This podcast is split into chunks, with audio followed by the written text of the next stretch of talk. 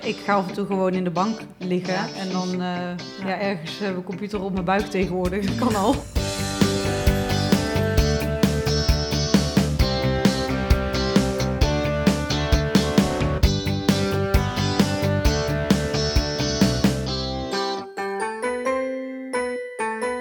Welkom bij week 22, een bijzondere aflevering van jouw zwangerschapsweek, de podcast van 24baby.nl. Want we hebben een gast, Bridget. Zij is bekkenfysio en vertelt ons alles wat je moet weten over problemen in je bekkengebied tijdens de zwangerschap. Wat vooral heel belangrijk is, is dat mensen als ze pijn hebben, dat ze denken dat is niet goed. En ze krijgen angst om te bewegen en ze gaan juist minder bewegen. En dat is juist het tegenovergestelde van wat je wil. We praten natuurlijk weer over de baby en de 22 weken prik. Want wat is dat nou precies voor iets? Voor we echt beginnen, eerst nog even dit. Deze aflevering wordt mogelijk gemaakt door Kruidvat. Waarschijnlijk ben je inmiddels wel bezig met je babyuitzet. Omdat een babytje krijgen al duur genoeg is, heeft Kruidvat heel veel babyvoordeel voor je. Wat dacht je van een gratis baby cadeaubox boordevol aanmerken en kruidvatmerkproducten voor jou en je kleintje ter waarde van 60 euro? Met je kruidvatkaart krijg je ook toegang tot speciale clubacties, dubbele spaarpunten op alles van Kruidvatmerk Baby en gratis babyproducten voor je punten. Het enige wat je hoeft te doen is naar kruidvat.nl slash baby aanmelden te gaan en je op te geven. Op naar Kruidvat dus voor fijn babyvoordeel. En nu door met de podcast. Week 22, een beetje een bijzondere aflevering, want deze keer zit Roos niet aan tafel, maar in plaats daarvan is Bridget aangeschoven. Welkom. Hi. Jij bent bekkenfysio, want uh, daar gaan we deze week heel veel over hebben, over bekkenpijn, bekkenproblemen rondom de zwangerschap. Voor we daar helemaal de diepte over ingaan, Diede, hoe is het bij jou met je, met je bekken? Ja, ik heb het volgens mij al eerder gezegd dat ik in het begin nooit klachten had en dat ik ze nog wel verwachtte. Nou, die beginnen nu een beetje te komen. Uh, dus ja, ik kan denk ik 10 minuten lopen zonder pijn en daarna dan, uh, dan doet het wel pijn. En, soms sta ik ook echt op met pijn. En uh, ja, één keer in de zoveel tijd moet ik naar mijn bekkenfysio en dan uh, zet ze het weer een beetje rechter en dan uh, kan ik er eigenlijk wel weer mee door. Dus ik moet gewoon geen gekke dingen doen en dan uh, overleef ik hopelijk deze, deze rit wel. Ja, want wat voor pijn is dat dan? Ja, ik heb vooral veel pijn aan mijn stuitje. Dus AVA stuitje, iets hoger eigenlijk zit het. Um, maar dat kan bij mij ook uitstralen naar mijn billen. Of ik heb uitstralingen naar heel mijn been. Dus dat, bij mij gaat het vaak ergens klem zitten. En dan, dan heb ik vaak pijn in mijn benen ook. Oh joh. Ja, dus ik weet niet of het of het echt klachten zijn die echt gerelateerd zijn aan een zwangerschap, of dat het iets is wat heel vaak terugkomt. Maar bij mij is, is dat al sinds dat ik uh, jong ben eigenlijk. Maar is het nu meer nu je zwanger bent? Ja, ja. ik heb nu echt elke dag pijn. Oeh. Ja. Hoe ga je daarmee om? Uh, ja, nee, ja, ik, ik ben er een beetje aan gewend of zo dat ik af en toe gewoon pijn heb. En nu had ik wel verwacht dat het vaker zou zijn, dus uh, veel zitten. Ja. ik kan gewoon niet te veel staan of vooral blijven staan. Wandelen, wandelen is echt wel goed hoor. Af en toe moet ik gewoon even gaan liggen of dan ga ik weer even zitten. Goed op mijn houding letten, dat is echt heel belangrijk. Ja, ja. Uh, maar dat, uh, dat, zal, dat zal zo wel toegelicht worden dat dat wel heel belangrijk is. Ja, Bridget, is, als je dit zo hoort, een bekend verhaal? Ja, zeker. Er zijn heel veel ehm, vrouwen met bekkenpijn ja, de klachten die zij hebben zijn heel uiteenlopend. Het kan in de lage rug zitten, het kan bij het bekken zitten in de liesstreek. Uh, uitstraling naar de billen of uitstraling naar de, naar de benen, dat, uh, ja, dat hoort erbij. Heeft iedere zwangere hiermee te maken? Nee, niet iedere zwangere heeft ermee te maken. Wat die dan wel eerder aangaf is, ik heb al wel of eh, pijn in mijn bekken gehad voor de zwangerschap. En dan heb je wel een grotere kans dat je ook bekkenpijn krijgt tijdens de zwangerschap, maar het is geen gegeven. Nee, nee, nee. Maar wat voor factoren zijn ervan op invloed of je hier last van krijgt uh, in je zwangerschap? Als je gaat kijken, dan um, speelt de lichaamshouding, de lichaamsbouw een rol. Maar ook heb je van nature al soepelere banden bijvoorbeeld. Of dus al eerder rug- of bekkenpijn gehad. Maar er is geen um, ja, per definitie een, een oorzaak waarom de ene vrouw wel bekkenpijn krijgt en de andere niet. Nee, want bijvoorbeeld Diede is ook eigenlijk hartstikke sportief, beweegt heel veel. Dan zou je misschien ergens denken, Oké, los van dat het bij jou dan al een zwakke uh, plek was. Maar je zou denken, als je heel sportief bent en gezond, dan uh, overkomt je dat niet. Maar dat is niet zo, nee, hè? dat is niet zo. Je kan het echt niet uh, voorspellen. Nee, je kan het niet voorspellen. En je kunt ook in deze zwangerschap dus wel klachten krijgen... en in een volgende zwangerschap bijvoorbeeld niet. Dus dat is ook ja, niet te voorspellen inderdaad. Nee. En zijn er los van pijn nog andere bekkengerelateerde problemen waar je in je zwangerschap tegenaan kan lopen? En bekkenbodemklachten natuurlijk. Ja. Dus dan eh, gaan we het hebben over bijvoorbeeld urineincontinentie of fecale incontinentie. Dat is dat je je poep niet kan eh, inhouden. Ja. Of scheetjes of zo. Scheetjes, dus, eh, inderdaad. ehm, ja, die, die dingen kunnen ook voorkomen. Of obstipatie dan vaak eerder in de zwangerschap. Maar En hoe komt het? Hoe komt het? Ja, eigenlijk komt het door eh, het verweken van de banden. Hè? Dus je hebt eigenlijk, als je gaat kijken naar het bekken, bestaat uit verschillende onderdelen, verschillende botstukken. En daartussen zit kraakbeen. En daaromheen zitten weer eh, elastische banden en kapsels. En die verweken onder invloed van de zwangerschapshormonen. En door die verweking krijg je eigenlijk wat meer ruimte tussen de gewrichtjes. En eh, die, die ruimte die is nodig. Dus het is eigenlijk heel goed dat het bekken gaat ehm, verweken. Hè, zodat het tijdens de bevalling minder star is en een beetje mee gaat geven. Dat is wel heel prettig. Maar ja, het kan dus wel pijnklachten veroorzaken. Ja, ja. Kun je er iets aan doen? Je kunt er eigenlijk niet heel veel aan doen. Er is geen wondermedicijn. Eigenlijk is acceptatie en tijd ehm, ja, het belangrijkste. Dus wij adviseren als bekkenfysiotherapeut ook vaak ehm, ja, in de balans tussen belasting en belastbaarheid. Dus wat vraag je van je lichaam en wat kan je lichaam aan? Dus probeer wat meer rustmomenten in te bouwen. Probeer wat meer eh, ja, goed voor jezelf te zorgen. Ga voor jezelf na. Is het belangrijk dat ik eh, deze activiteit uitvoer of kan ik dit ook aan mijn partner overlaten? Dus eigenlijk eh, ja, vooral ook wat meer balans en wat meer rust. Maar dat rusten, hoe, eh, hoe ziet dat eruit? Is dat zitten, liggen? Dat is een beetje afhankelijk van wat je hebt gedaan. Dus als je gaat stofzuigen bijvoorbeeld, eh, ja, pak, pak eerst de benedenverdieping en ga dan even, even liggen. Liggen is de enige manier om je bekken en bekkenbodem ook echt te ontlasten. En of dat dan 10 minuutjes, kwartiertje is of dat je een half uur nodig hebt, dat, eh, dat moet je dan voor jezelf eh, bekijken. Maar het is prima om die rustmomentjes ook te nemen. Ja, dus echt misschien wel op een gegeven moment een paar keer per dag even 10 Ja. minuten, kwartier liggen Zeker. en dan weer door. Ja, Ja. Ik had laatst ook een dag en toen dacht ik, weet je, ik ga de ramen lappen. En ik heel die verbouwing is helemaal niet klaar. Maar ik wilde gewoon per se de ramen gaan lappen. En ik heb letterlijk één kant van één raam gedaan. En ik dacht gewoon, ik moet even liggen. Ja. En dus ik ben gaan liggen. En inderdaad, 20 minuten later heb ik raam 2 gedaan. En toen dacht ik, ja, nou stop ik ermee. Nou wil ik gewoon niet meer. Ja. Ik heb, dit is gewoon de dag niet om eh, Nee. ramen te lappen. maar dat is wel goed hoor, want Ja. vaak voelen mensen zich dan schuldig of die voelen zich dan lui. Om oh, denken van, ja, maar ik eh, kan heel goed lui maar zijn, dat- gelukkig. Maar dat is juist goed om af en Ja. toe ook te zijn. Ja, lui. ja, ja, Nou, ik, ik vind ook met zittend werk wel. eh, ik had bij, eh, op het eind van mijn zwangerschap dat ik juist het zitten achter een computer heel zwaar vond. En dan wisselde ik met zo'n bal en een bureau en zo. Maar inderdaad, toen moest ik ook op een gegeven moment echt wel eh, regelmatig eventjes liggen op het Ja. eind. Om Ik het vol te met houden. thuiswerken heel fijn. Want Ja. ja, ik, eh, ik ga af en toe gewoon in de bank liggen. En dan eh, Ja. ergens eh, mijn computer op mijn buik tegenwoordig. Dat kan al. En, dan, en dan zit ik zo te typen. Ja, dat is dus ook niet echt de meest ergonomische houding. Maar het is toch Nee, wel maar fijn af dat is geen rust, hè? Doortypen terwijl je ligt. Ja. maar het gaat gewoon om je lijf. Je lijf heeft ook die rust nodig. En ja. mentaal. En mentaal. Ja, ja, ja, nee, Pak dat- die kans nou. Jij moet gewoon, jij moet gewoon elke Daar uur ben ik niet zo goed in. Dus je moet altijd bezig Vrouwen blijven. zijn te goed in multitasken. Ja, dat is niet goed. Denken dat ze er goed in Ja. zijn. dat. Hey, en als je er nou tijdens je zwangerschap eh, last van hebt, is het dan een gegeven dat je ook daarna, eh, dus na de bevalling, dat het daarna eh, nog steeds eh, pijn eh, doet? Nee, dat is niet. Eh, wat je wel ziet is dat de pijnklachten misschien niet meteen verdwijnen. Dus soms hebben mensen hoop, ik ben bevallen en dan is het meteen over. Maar ja, die zwangerschapshormonen, ja, dat, dat heeft natuurlijk ook gewoon weer heel even tijd nodig. En jouw lichaam moet ook weer herstellen van een bevalling. Dus het is ook alweer afhankelijk hoe de bevalling is verlopen en hoe je je daarna voelt. Maar over het algemeen, het grootste gedeelte van de vrouwen die herstelt eigenlijk best wel goed. Ja, ja. Komt het bij jou eigenlijk ook vaak ter sprake, Maartje? Zo hier bij jou in de. Spreekkamer? Ja, geregeld. Vandaag de dag hebben wij, wij hè, het als vrouwen veel drukker. Want veel, als ik bijvoorbeeld naar hè, mijn eigen situatie kijk, mijn moeder die werkte niet fulltime toen ze eh, kinderen kreeg. Heel veel vrouwen werken, eh, nou ja, Bijna fulltime. bijna fulltime inderdaad. Eh, daarnaast natuurlijk nog je huishouden, je gezin, eh, ook nog leuke dingen doen met vriendinnen, familie enzovoort. Dus we vragen wel veel van ons lijf.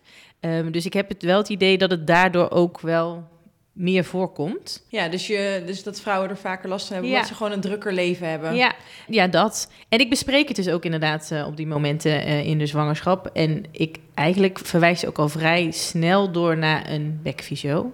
Ook om te zorgen dat die klachten een beetje stabiel blijven. Dus hè, een beetje pre preventieve zorg. Van je krijgt Ja. klachten en als je er niks aan doet, dan worden die klachten in principe natuurlijk elke keer wat zwaarder en wat Ja. heftiger. Ja, het- ja. En als je daar vroeg bij bent en vroeg al dus nou ja, alle voordelen die hè, Bridget net benoemd van de bekkenfysio eh, ehm, meeneemt, dan kun je die klachten wel wat stabiel houden om te voorkomen dat je straks niks meer kan. Ja. Ja. En ook je herstel na een zwangerschap vaak wat vlotter en wat soepeler verloopt. Ik adviseer eigenlijk alle zwangeren, ongeacht of ze vaginaal bevallen zijn of per keizersnede, om zes weken na een bevalling altijd even een controle te laten Waarom? doen. Nou, negen maanden zwangerschap vraagt ontzettend veel van die bekkenbodem. En je kan ook helemaal geen klachten hebben, hartstikke netjes bevallen. Een verzakking op latere leeftijd hoeft daar niet, is niet een voorspeller, zeg maar. Dus het is denk ik heel belangrijk om te zorgen dat je bekkenbodem goed herstelt. Maar misschien dat Bridget daar nog op eh, kan aanvullen. Ja. Ja, zeker. En sowieso wat je in het begin zei, klopt ook echt. Hè? Over eh, dat mensen zeggen dat bekkenpijn een beetje een welvaartsziekte is. Dat de maatschappij en de mensen zelf ook hogere eisen stellen. Dus eh, ja, de lichamelijke en de geestelijke, geestelijke belasting van de, van de vrouw is ook ja, dermate hoog dat vrouwen sneller klachten krijgen. En daarnaast werd vroeger bekkenpijn een beetje toegeschreven aan lage rugpijn, hoort erbij. Maar nu wordt het ook echt erkend en gediagnosticeerd als een aparte aandoening. Ja. Dus wij spreken ook van bekkenpijn tijdens de zwangerschap of na de bevalling is zwangerschapsgerelateerde bekkenpijn. En daar is ook echt een, eh, een protocol, een richtlijn voor geschreven.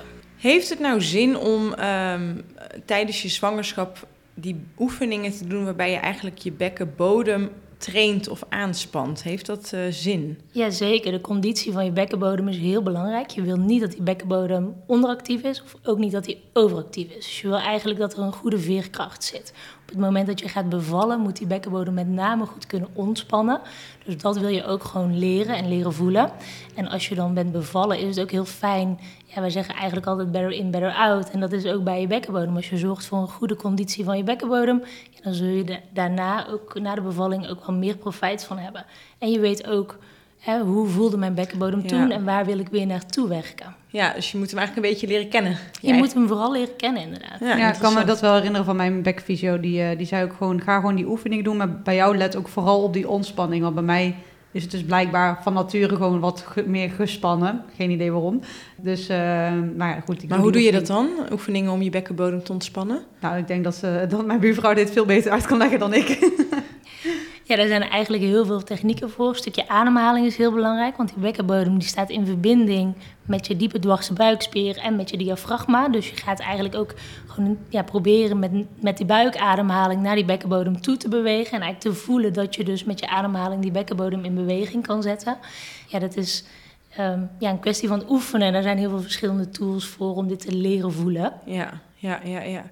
En ehm, wat zijn nou de grootste misverstanden waar jij zo al mee wordt geconfronteerd eh, in je werk? Misverstanden, ja. dus opvattingen die mensen hebben over hun bekken en bekkenbodem en de zwangerschap die eigenlijk niet kloppen. Nou ja, wat vooral heel belangrijk is, is dat mensen als ze pijn hebben, dat ze denken dat is niet goed. En ze krijgen angst om te bewegen en ze gaan juist minder bewegen. En dat is juist het tegenovergestelde van wat je wil.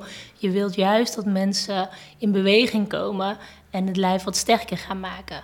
En ja, bewegingsangst is dus wel iets wat we vaak zien. Hè? Mensen die eh, ja, vragen dan ook aan mij van... Ja, kun jij eens eh, een brief schrijven voor mijn werkgever... want ik mag en kan dit niet meer. Ja, dat is sowieso niet aan mij. Maar het is juist ook goed om binnen hun kunnen toch eh, ja, te blijven bewegen. En eh, soms hoor je ook wel eens over een bekkenband. Dus een band die mensen eigenlijk onder hun buik als het ware dragen voor extra ondersteuning. Is dat nou een goed idee? Mm, wij als bekkenfysiotherapeuten adviseren eigenlijk niet zo gauw om een bekkenband te gaan dragen. eh, om verschillende redenen. Ehm, je geeft eigenlijk passieve steun aan het bekken, aan je bekkenring. En je wil eigenlijk dat de spieren het doen. Dus op het moment dat je een bekkenband draagt, ja, dan denken die spieren: oké, doei, dan hoeven wij minder te doen. Dus ze worden er zeker niet sterker van. En ze kunnen er zelf dus iets zwakker van worden. Ehm, daarnaast heb je dus weer kans dat je andere gewrichten of spieren gaat overbelasten als je zo'n bekkenband draagt. Um, maar soms zeggen we wel van ja, hey, je bent zo ver in je zwangerschap en um, draag hem op uh, bijvoorbeeld uh, uh, activiteiten die gewoon wat meer inspanning kosten, draag hem dan wel. Zeker, ja, dus precies. niet continu. Maar dat je net even wat extra steun hebt om dat wel te kunnen doen. Want sommige dingen moet je natuurlijk nou wel eenmaal doen. En dan is zo'n bekkenband soms een uitkomst. Maar als ik het zo allemaal goed hoor, is eigenlijk het belangrijkste als je er last van hebt. Inderdaad, ga wel naar bijvoorbeeld een bekkenfysio en, en laat je adviseren. Maar het is ook een heel groot deel dus acceptatie. Ja, heel groot deel acceptatie. En, Lukt eh, jou dat, Diede? Ja, Ja? ja, ja, denk Vind het niet wel. moeilijk? Nee, nee, helemaal niet. Maar er komt ook, elke dag is anders. Dus wat ik heel erg merk is dat als ik de ene dag gewoon best wel veel heb gedaan, dan weet ik gewoon, oh, morgen wordt misschien eh, word ik een beetje afgestraft. En dan moet ik gewoon rustiger aan doen. En dan moet ik gewoon even een beetje herstellen voor mijn gevoel. Dan moet ik gewoon wel iets meer liggen. En dan, eh, en dan kan ik wel weer door. Bijvoorbeeld wat ik heel erg jammer vind, dat is dan wel een stukje acceptatie wat ik dan lastig vind, is ik kan mijn hond moeilijker uitlaten. En heeft er niks mee te maken dat ik die 10 minuten wandelen, daar, daar kan ik best wel aan. Alleen mijn hond trekt gewoon nogal aan de lijn. en die maakt wel eens onverwachte bewegingen. En dat is echt niet wat ik moet hebben nu, onverwachte Nee. bewegingen. Want dan ben ik gewoon, dan zijn mijn buikspieren daar niet op voorbereid. Ik moet echt heel bewust ook wel mijn buikspieren een beetje aanspannen. Wil ik een beetje sterk in mijn schoenen staan om die onverwachte bewegingen aan te kunnen. Dus, eh, dus wat dat betreft, ja, het is, het is inderdaad wel acceptatie. Ja. Je moet daar echt wel gewoon, je moet er een beetje mee leren leven. Maar goed, het is maar voor heel even en dan... Ja, Ja, precies. door. Het is het goede doel. Ik wou het zeggen, ik vind het heel mooi dat jij zegt gewoon. ja. Hè, gewoon dit. Ik heb namelijk zelf ontzettende bekkeninstabiliteit gehad. Of pijn, moet ik dus zeggen. ja. Ja. in mijn zwangerschap. Ehm, waar ik op den duur dus ook niet meer kon functioneren zonder bekkenband. Om echt alleen al van de bank naar de wc te komen. Ja, Ehm, maar dat is, dat is anders, hè? Ik heb, Zo. ik, bij mij is het totaal anders. Ja, dus en ik Maar vond hoe dat. jij daarmee om? Nou ja, ik was op dat moment minimaal aan het werk. Ehm, en als ik dus aan het werk was, ook om een bevalling te doen, dan droeg ik inderdaad een bekkenband. En dan kon ik ook gewoon ja, twee, drie dagen niks meer. Nee. Ehm, dus ik moet je. En ik heb nog steeds last van mijn bekken. Ja. Eh, en mijn dochter is bijna drie. Eh, dus, maar het is wel ook wat die zegt: de ene dag is beter dan de andere dag. En je, je merkt gewoon aan je lijf van, oh ja, nu heb ik me netjes de oefeningen gedaan. En merk ik dat het weer wat steviger is. En ook wat Bridget zegt, blijven bewegen. Ja. Als ik hè, een dag minder heb bewogen of veel achter een bureau heb gezeten, dan heb ik ook vaak meer klachten. Dus wat- dat acceptatiedingetje is wel een dingetje. Dat Ja. is wel een dingetje. Maar ook gewoon, mag, kunnen we even een shout-out doen naar alle vrouwen die dus bekkenklachten hebben, die een driejarige hebben rondlopen en die dan bijvoorbeeld nog een keer zwanger raken. En die dan dus, dus waarschijnlijk daar dus, als ze al last hebben, nog steeds hebben van de vorige Mm. zwangerschap, opnieuw bekkenklachten krijgen en een driejarige rond hebben lopen. Ja. Dat vind ik zo knap. Ja. Die moeten dat dus ook zien te overleven. En dan snap ik dat acceptatie al helemaal de... Ja. Ja. Sorry, maar deze kan ik gewoon niet door mijn strot heen krijgen, zeg maar. Dat gaat het gewoon niet gebeuren. Dat snap ik wel heel erg. Uh, Bridget, eigenlijk heel erg leuk ook dat je aanschuift, aangezien je zelf ook zwanger bent. Gefeliciteerd. Dankjewel. Hoe ver ben je? Morgen 22 weken. Nou, dat is dus heel toevallig, omdat we nu in week 22 zitten. En dan moeten we het natuurlijk ook hebben over de 22 weken prik. Ja. Eh, ik kijk eerst even naar Maartje. De 22 weken prik. Ja. Zo eh, wordt hij in de volksmond eh, genoemd. Wij nou, ook hem, op eh, de website van het RIVM. hoor. Dat klopt, ja, ja. Wij noemen hem eh, medisch gezien de kinkhoestvaccinatie. maar hij wordt inderdaad de 22 weken prik eh, genoemd. Die mag vanaf 22 weken. Mag ook later, hè? Hij mag ook later, maar ik krijg heel vaak eh, belletjes. Oh, ik ben nu 22 weken en ik heb hem nog niet. Rustig, adem in, adem uit. Het advies is eh, tussen de 22 en de 36 weken. Dus je hebt echt wel ruim de tijd om hem eh, te laten zetten. En waarom eh, geven we dat advies? Om te zorgen dat de baby al de eerste drie maanden van zijn leven beschermd is tegen kinkhoest. Het normale tussen aanhalingstekens vaccinatieprogramma start bij 12 weken. Dus bij 12 weken, als het kindje 12 weken oud is, krijgt hij de eerste vaccinatie, waaronder dus de DKTP en de K voor kinkhoest. Ehm, maar blijkbaar komt kinkhoest toch nog best wel landelijk veel voor en is het ook echt wel een gevaarlijke ziekte voor die jonge kindjes, omdat het immuunsysteem natuurlijk nog helemaal in ontwikkeling eh, is. Even ze- tussendoor hoor. Het is Ja. een eh, infectie aan je luchtwegen, toch? Met heel veel hoesten. Ja, sorry. Ja. Ja, nee, goede vraag. Ja. Ja. Echt dusdanig hoesten, echt blaffen als hondjes, zeg maar. En het is ook een hele eh, bekende, of tenminste een hele specifieke hoest. Het is niet gewoon een verkoudheidje. Het is, eh, ja, de kinderen kunnen daar echt heel erg ziek van worden. Klinkt echt als een zeehondje, toch? Ja, Ja. ja. een zeehondje, dat was het Ja. woord dat ik zocht. Ja. Dankjewel, Diede. dus eh, het advies is om zwangere vrouwen dus in de zwangerschap te laten vaccineren, zodat hun immuunsysteem alvast antistoffen gaat maken. En die antistoffen gaan via de navelstreng, via de moederkoek naar het kind. En dat noemen we passieve eh, immunisatie. Oftewel, die antistoffen die blijven in dat babylichaampje in ieder geval de eerste drie maanden van eh, zijn leven. En dan vanaf 12 weken krijgt de baby dus zelf de DKTP-prik. En dan gaat die baby zelf actieve antistoffen maken. En die antistoffen zijn in principe voor, nou ja, in ieder geval 25 jaar. Volgens mij nog wel langer eh, in het leven. Dus als een, een vrouw zwanger is, moet zij elke zwangerschap opnieuw zich ook laten vaccineren. Oh ja. Want dan maakt zij weer opnieuw die antistoffen aan die via die placenta, sorry, via de navelstreng en de moederkoek naar het kindje toe gaan. Doen eigenlijk de meeste vrouwen het? Of, eh, Voor zover ik weet wel. ja.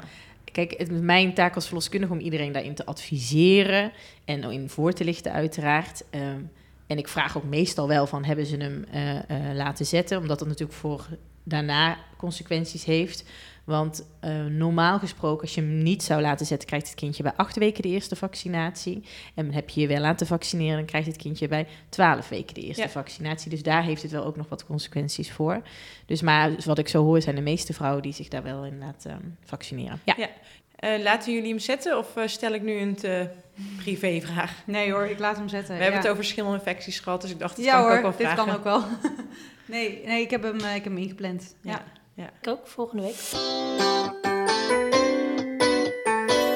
Goed, we hebben het uitgebreid gehad over bekkenpijn, de 22 weken prik. Alleen de baby is nog helemaal niet ter sprake gekomen. Oh ja, Maar de baby er zitten gewoon, ja, die was er ook nog. Er zitten dus gewoon twee zwangeren die 22 weken zwanger zijn Ja. tegenover je. ja, wat een eer. Ja, Ja.